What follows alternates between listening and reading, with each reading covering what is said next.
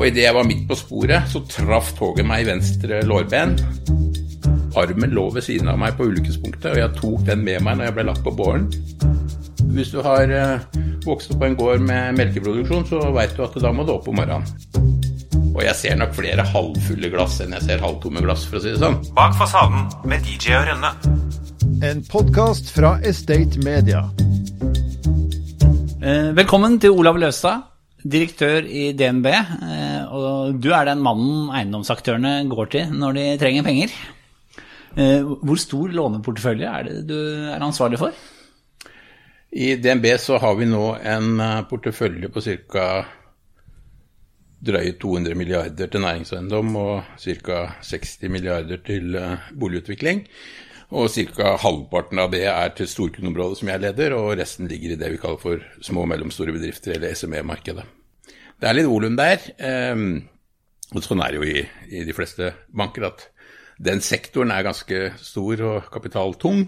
Og det er den jo selvfølgelig hos oss også. Så, så det er et volum som har vært, eller steget sånn jevnt og trutt gjennom årene. og noen år, sånn som nå i 2020 og 2021, så har det jo vært eh, en vekst eh, noe over det vanlige, over det normale. Ja. Men Olav, du kommer jo fra en helt annen bakgrunn, for du er jo oppvokst på gård. Og hvordan, hvordan var det? Du, jeg tenker på i ettertid. Fy søren så heldig jeg har vært, altså. Som har vokst opp på en, en gård oppe i Numedal. Eh, når jeg vokste opp, så tenkte jeg kanskje ikke sånn. For da syntes jeg det var kanskje litt kjedelig å bo langt fra andre. og og du måtte liksom være litt eh, kreativ i forhold til hva du skulle finne på å gjøre. og Det var litt langt til naboer og litt langt til venner også. Men sett i ettertid så må jeg si det at å vokse opp på en fin gård i Numedal under de oppvekstvilkårene som du har der, med dyr og med skog og med fjell og med, med naturen nært på, det er ganske fantastisk og det er ganske unikt. Men hva har det gjort med deg, da?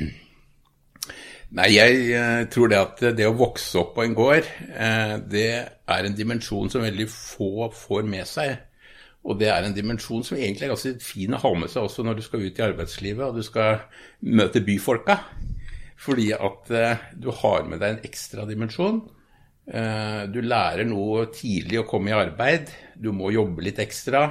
Du må være med på gårdsarbeidet. Du, må, du kommer tidlig i gang, liksom. Og du skjønner dette her med at du må stå på litt for å, at det skal bli resultater. Og stå på morgenen òg? Du må stå på morgenen. Hvis du har uh, vokst opp på en gård med melkeproduksjon, så veit du at da må du opp om morgenen. Mm. Og så skjønte jeg at det var moren din som var ganske sånn driftig på den gården. Ja, mamma hadde ansvaret, for det var hun som eide gården. Så uh, far var, eller pappa var, uh, var lensmann i bygda, så han hadde den jobben. Og mamma hun sto for gårdsdriften.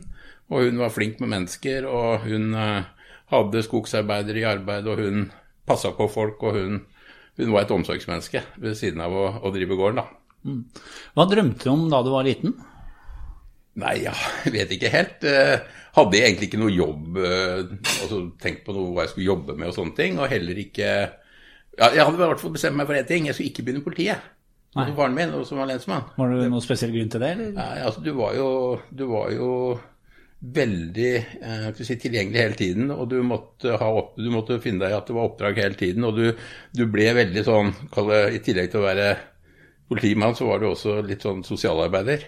Mm. Eh, det, det, det, var en rolle hvor du liksom var tilgjengelig og forventa tilgjengelig eh, 24-7.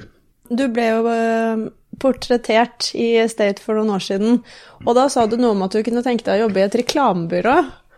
Eh, hvorfor det? Det er jo noe veldig annet. Ja, det er noe veldig annet. Og bakgrunnen der er jo egentlig bare at jeg syns uh, markedsføring og strategi og, og, den delen var veldig gøy uh, under studiene.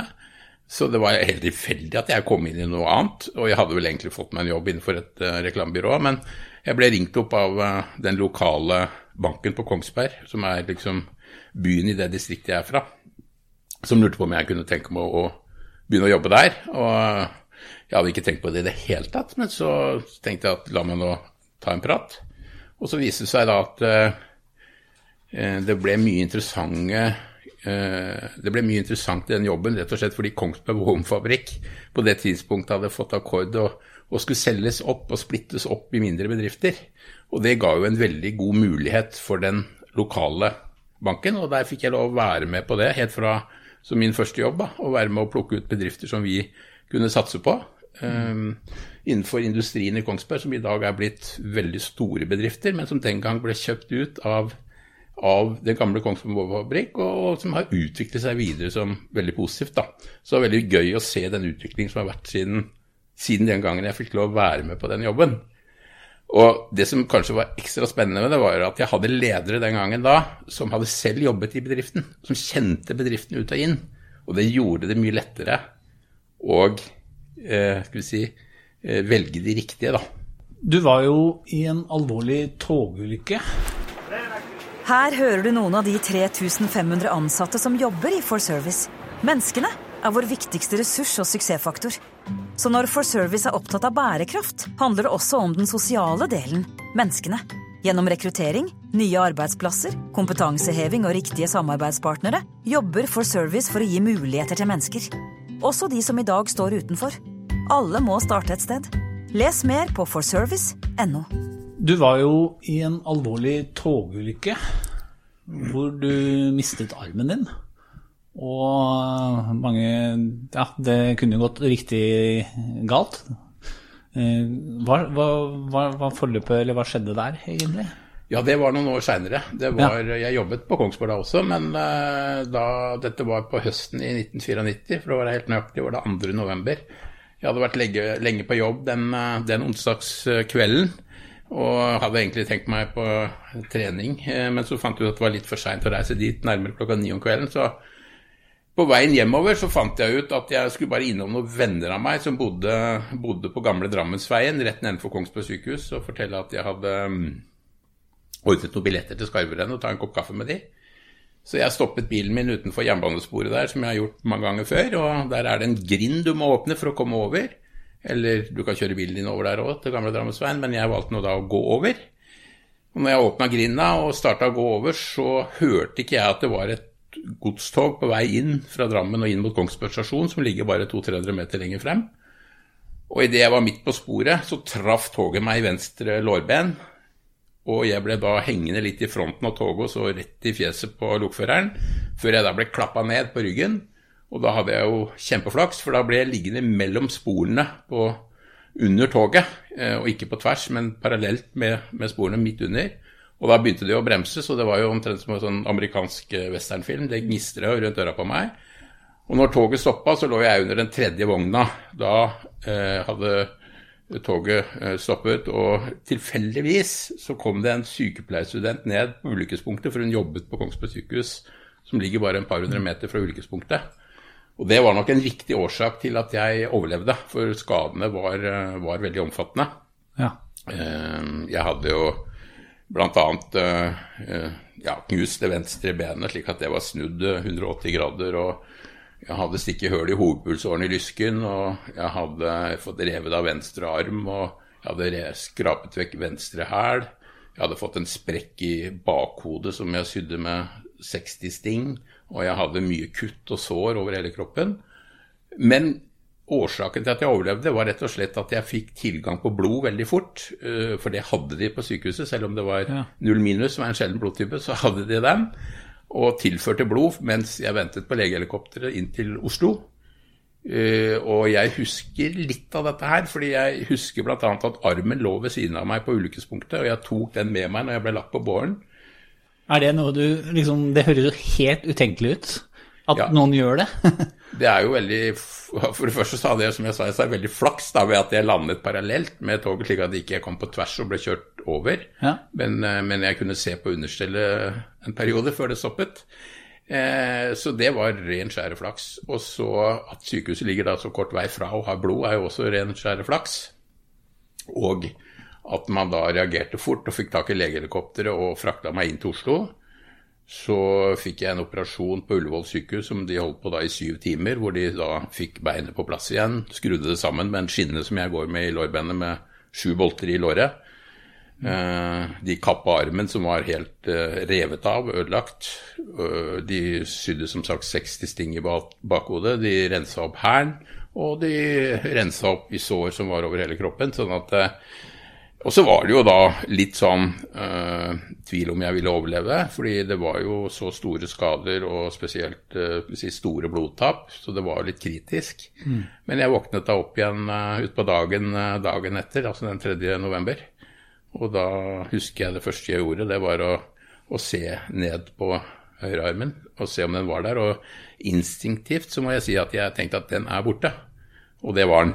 Den var bare gassbind og, og, og, og sårbandasjer.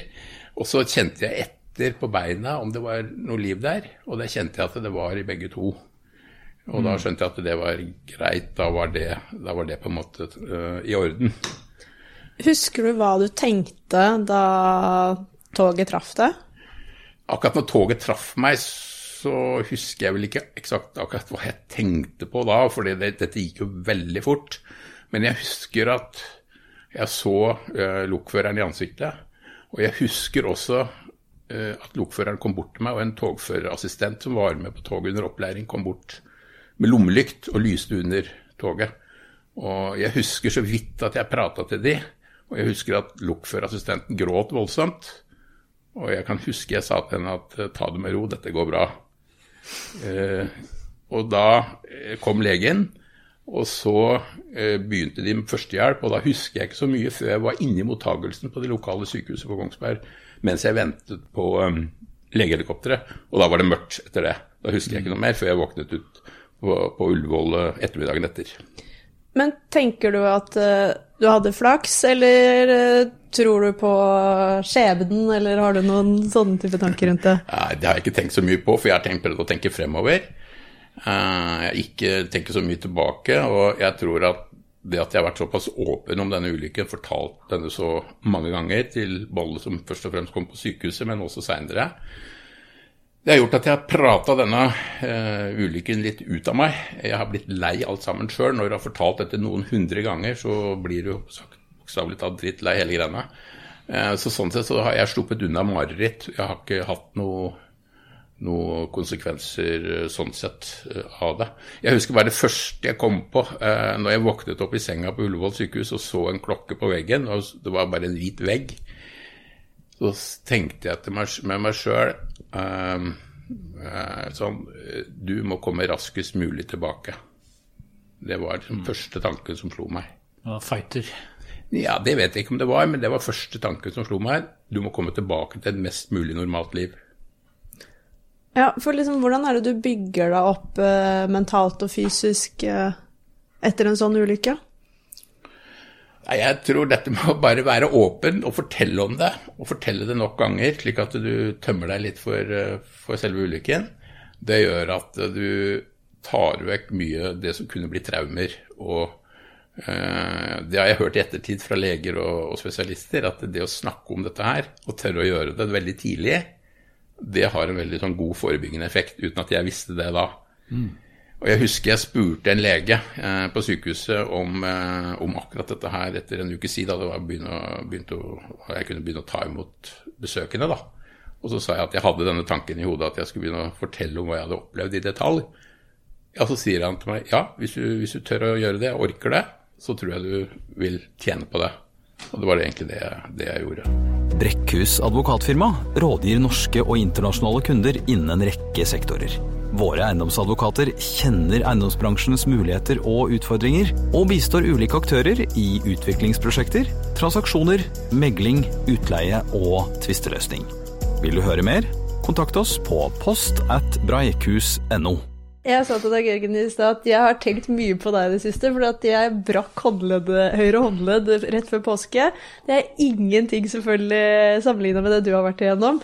Men da har jeg tenkt på deg, for da plutselig så oppdaget jeg at eh, det er jo et helt nytt liv når du, ikke, når du er høyrehendt og ikke liksom da kunne bruke den hånda eller armen for din del. Og hvordan har du liksom sånn Jeg tenker det er jo ganske mange oppgaver som er utfordrende. Bare det å skulle skru opp en, en Åpne en brusflaske. Ja, det er noen sånne praktiske ting, men jeg tror det viktigste, og det gjelder vel egentlig med det meste i livet, du må liksom prøve å se, det, se mulighetene i det. Ja, se hvordan du skal komme deg ut av det og løse det. For meg så ble det sånne ting som f.eks. når jeg kom på Sunnaas sykehus etter hvert, da, hvor jeg var i fire måneder og skulle lære meg å gå igjen og lære meg praktiske ting og hadde ergoterapeut og fikk mye hjelp og sånn, så var jeg også på noe vi kalte for skrivestua. og Det betyr rett og slett at jeg satt og lærte meg å skrive bokstaver igjen med venstre. Store bokstaver og små bokstaver og sette det sammen og begynte i første klasse på nytt, på en måte. Fordelen var at jeg kunne bokstavene, i hvert fall. Eh, og så lærte jeg meg å skrive på PC, og så tenkte jeg at jeg må lære meg en del praktiske ting òg. F.eks. det å knytte slipset var noe av det jeg satt i rullestolen og lærte meg med venstrehånda. Da satt jeg foran speilet. Satt ei klype på, på eh, ene enden av eh, slipset, og så knøyt jeg den med venstrehånda. Når du har gjort det mange nok ganger, ja, så har du lært det. Det er bare et eksempel, og så må du gjøre med mange ting. Så må du gjøre når du skal lære deg å knytte skoa òg. Men blir det litt sånn at du, når du har vært gjennom en såpass greie og har fått det til, eh, altså kommet så sterkt gjennom det, da, eh, blir det sånn at du tror, du tror du det er mulig å få til alt? Eh, liksom Nei, absolutt ikke. Jeg er veldig ydmyk i forhold til det her. Men jeg fant ut at det, det alternativet jeg hadde, det var å bli sittende der. Kanskje til og med uten arbeid. Og være ja, kall det pasient, da. Ja. Eh, og det alternativet syns jeg ikke var noe, noe særlig. Sånn at jeg valgte da å jobbe hardt for å komme tilbake igjen til det normale. Hadde du noen mål, sånn kortsiktige ja, mål? Ja, og det også hadde jeg veldig. Eh, Jeg hadde, ble ganske opptatt av det med mål. Så jeg hadde sånne dagsmål, så var det helt kortsiktige tingene, som f.eks. å klare å sitte i senga eh, over en viss tid. Klare å rulle rullestolen så og så langt. Klare å komme meg opp av rullestolen og stå i et stativ så og så mange minutter. Det var liksom sånne korte dagsmål. Og så hadde du de mellomlange målene, som var f.eks. da å lære seg å skrive igjen. Eh, komme seg ut av rullestolen og bli kvitt den. Eh, ja, begynne å fungere igjen, liksom, mer normalt. Og så hadde du de litt mer langsiktige målene som går på å skaffe seg en jobb eh, som du kunne fungere i, da, med den situasjonen som var. Komme tilbake til livet. eh, fungere sammen med familie og venner. Klare den sosiale delen. Bare det å møte mennesker første gangen og se annerledes ut, det var jeg forberedt på at det kunne bli en tøff opplevelse. Ja, hvordan var det? Ja, det var en tøff opplevelse, men når jeg hadde snakket om dette her med så veldig mange mennesker i forkant, så klart at da var det mange som kjente til det, så jeg slapp på en måte å ta den historien eh, med en gang. Eh, men, men jeg hadde noen, jeg hadde noen uh, tøffe opplevelser med akkurat det, for det, du klart du blir sett litt på. Og, og jeg har opplevd, når jeg sitter i møte med kunder f.eks., som har vært mer opptatt av armen enn av, av det vi skulle snakke om.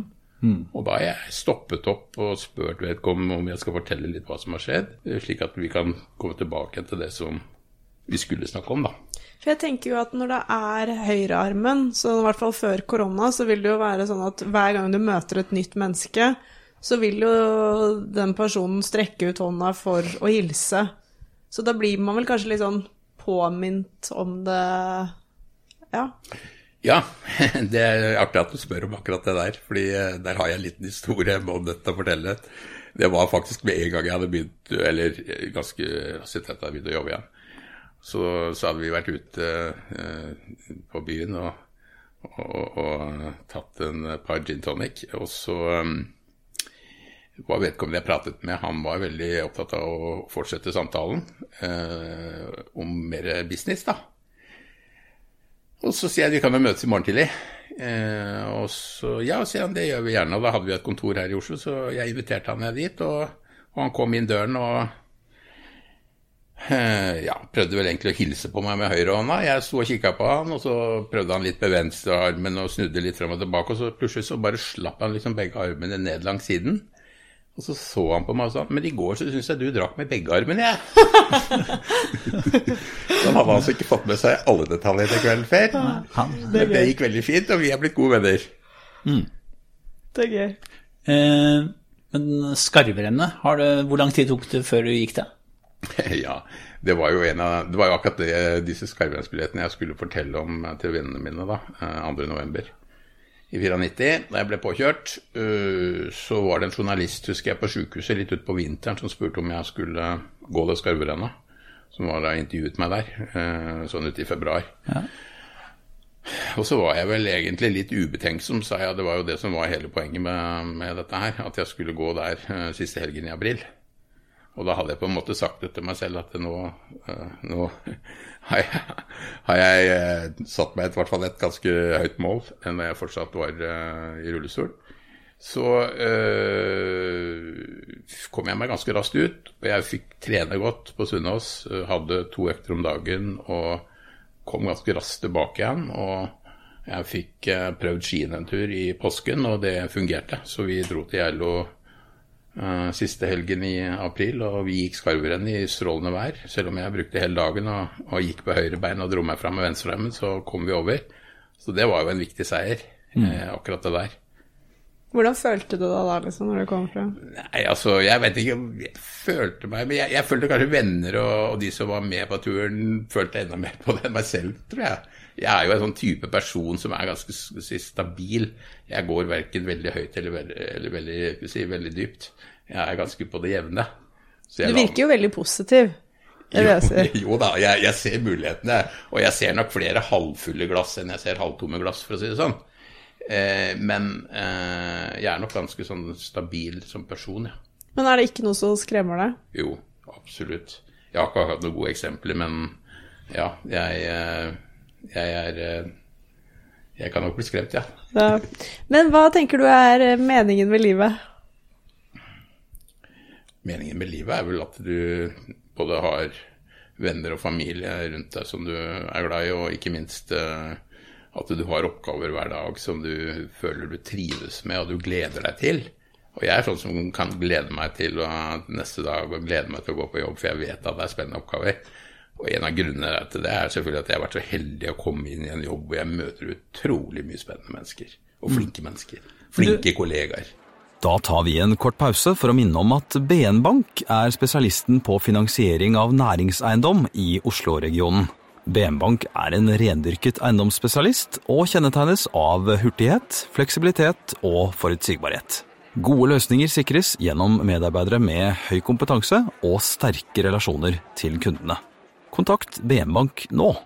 Du sitter jo da på pengesekken til DNB, for å si det sånn, for eiendomsbransjen. Eh, Er det mange som eh, smisker litt med deg? Nei, jeg, ikke, jeg, aldri, jeg opplever ikke sånn. Vi hadde jo en sånn mektigste kåring eh, her, hvor du var en av de kandidatene eh, på den. Eh, vi hadde den i State, og der er det tre kriterier. Eh, og et av de kriteriene er eh, at man er godt likt, og du scorer veldig, veldig høyt der. Da. Så da er det ikke bare smisk, i hvert fall, hvis de er hyggelig med deg.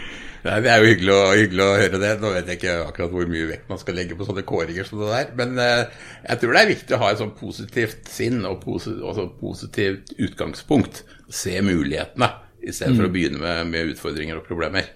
Det gjelder det aller, aller meste, tror jeg. Dere har jo satsa mye på bærekraft, og jeg vil si at eh, dere har vært en viktig bidragsyter til å få til et miljøløft i, i bransjen gjennom grønn finansiering. Og hvorfor har det vært viktig? Det er jo ut, sånn, ut fra et faglig ståsted så er det jo veldig viktig, fordi at eiendomsbransjen er eh, er det viktig å gjøre noe med da, i forhold til bl.a. CO2-utslipp og avfallshåndtering, som jo bransjen står for en veldig stor del av. Så, og vi påvirker jo bransjen, vi, eh, som eh, en stor kapitalkilde. Så det er viktig for oss å være med å bidra her sånn. Eh, Jeg føler at du har også gjort en eh, betydelig jobb der. Du har jo vært godt ut og vært ganske synlig. Ja, øh, vi har vært synlige på det, og det har vært et veldig viktig overordna strategisk mål for oss. Ikke bare innenfor eiendom, men egentlig for alle sektorer hvor vi kan være med å påvirke. Da. Jeg husker at vi det 2008, høsten 2008 så arrangerte vi et eh, seminar om finansiering av næringseiendom. Eh, Og det var uken etter at Lehman Brothers gikk konkurs. Og da prata jeg med deg, og du var litt blekk eh, rundt nebbet da, for å si det sånn. Du sa du aldri hadde opplevd noe lignende i kapitalmarkedet. Hva, hva var, hvordan var det egentlig å drive bank da? Da var usikkerheten ualminnelig stor. Altså, det er som jeg sa, det har jeg aldri opplevd noe lignende. Jeg håper aldri jeg opplever noe lignende igjen heller. Fordi at usikkerheten var enormt stor. Ja. Kapitalmarkedene gikk jo sagt, rett i, i dass, og det var kredittspreder som gikk rett ut, og børsen falt, og usikkerheten økte, og Men var det sånn at uh, investorer ikke stolte på DNB heller? Selv om de var statseid? Altså, det, var nok, eh, det var nok kunder da som f.eks. med store innskudd som, eh, som, begynte å tenke at eh, kanskje vi må spre innskuddene våre på flere her nå for å være helt sikre. Mm. Jeg tror nok det var noen av de. Men, men for oss så gikk jo dette, dette veldig bra, egentlig. Ja. Og vi greide jo å å, å si, både beholde innskuddene og, og, vi greide å beholde en, en, si, en god balanse og, og, komme gjennom det uten noe særlig tap. Ja. Men hva tror du blir, blir det noen konsekvenser av pandemien? Det er vel tusenkronerspørsmålet, men eh, ja, noen konsekvenser får du sikkert. Men jeg syns dette har gått uh, bedre enn kanskje jeg tror mange fryktet uh, hvis du går uh, 12-14 måneder tilbake nå. Da var usikkerheten stor, selvfølgelig. Mm. og men så har man sett at det har eh, gått bedre, tror jeg, enn eh, de aller fleste så for seg. Så selvfølgelig er det noen næringer og, og noen bransjer som har hatt det ekstra ekstra tøft, og det skal vi tenke gjennom. fordi det er mange her som jobber f.eks. innenfor reiseliv og innenfor hotell og innenfor restaurant osv som har hatt virkelig tøffe tider. Men Stiller da banken opp? Eh, altså, det er jo et sånn stygt eh, ordtak nærmest om at når du trenger penger, så er ikke banken der. eh, altså, det må du nesten spørre kunden om, tror jeg. Ja. Men jeg mener at vi var veldig tidlig på og bidro til at vi fikk mer ro. og vi stilte opp for å sikre likviditet i selskapene. Vi stoppet opp avdrag, vi eh, var med og ga kredittrammer slik at man skulle sikre seg likviditet. og det å ha god likviditet i en sånn situasjon og trygghet for den, det er kanskje noe av det viktigste. Det er da viktigere enn soliditeten, tror jeg. Mm. Og det tror jeg veldig mange, i hvert fall av de jeg har snakket med, opplevde. Så snakket jeg veldig mye med kundene i den perioden. Vi var usikre, kundene var usikre, vi hadde behov for hverandre. Vi snakket sammen om mye. Mm. Nesten eh, mange, om ikke hver dag, så i hvert fall ukentlig. Så det var viktig. Mm. Det er det man kanskje må gjøre eh, hvis man er usikker, prate med banken sin? Ja, jeg tror de hadde behov for å ha noen å erfaringsutveksle med, og vi hadde behov for noen å, å utveksle erfaringer med, og, og, hva vi trodde på, og hvilke løsninger som kunne komme fra myndigheter. Og vi prøvde jo også å gi innspill til de løsningene som etter hvert kom. Mm. Eh, så det var jo, vi var jo viktig i den sammenheng, og det, det ble jo en god løsning. og det det snudde jo, tror jeg, og usikkerheten ble jo tatt vekk mye raskere enn det jeg tror mange så for seg. Så allerede liksom utpå sommeren så var jo mye av businessen veldig godt tilbake, med unntak av de, de bransjene og de sektorene jeg nevnte i stad. Er du optimistisk til eh, tiden etter korona? Ja, jeg tror det. At det, vi er heldige igjen som bor i Norge. Vi har et godt makrobilde. Eh, jeg tror det er interessant å investere i Norge også pga. det. Eh, rett og slett fordi vi er mer stabile og mer forutsigbare på, på, mange områder. Så jeg tror at når vi åpner grensen igjen, så skal jeg ikke Jeg blir ikke forundra om vi får mer besøk av internasjonal kapital igjen, så vil, så vil søke seg til Norge. Det tror jeg. Bak fasaden med DJ og Rønne. En podkast fra Estate Media.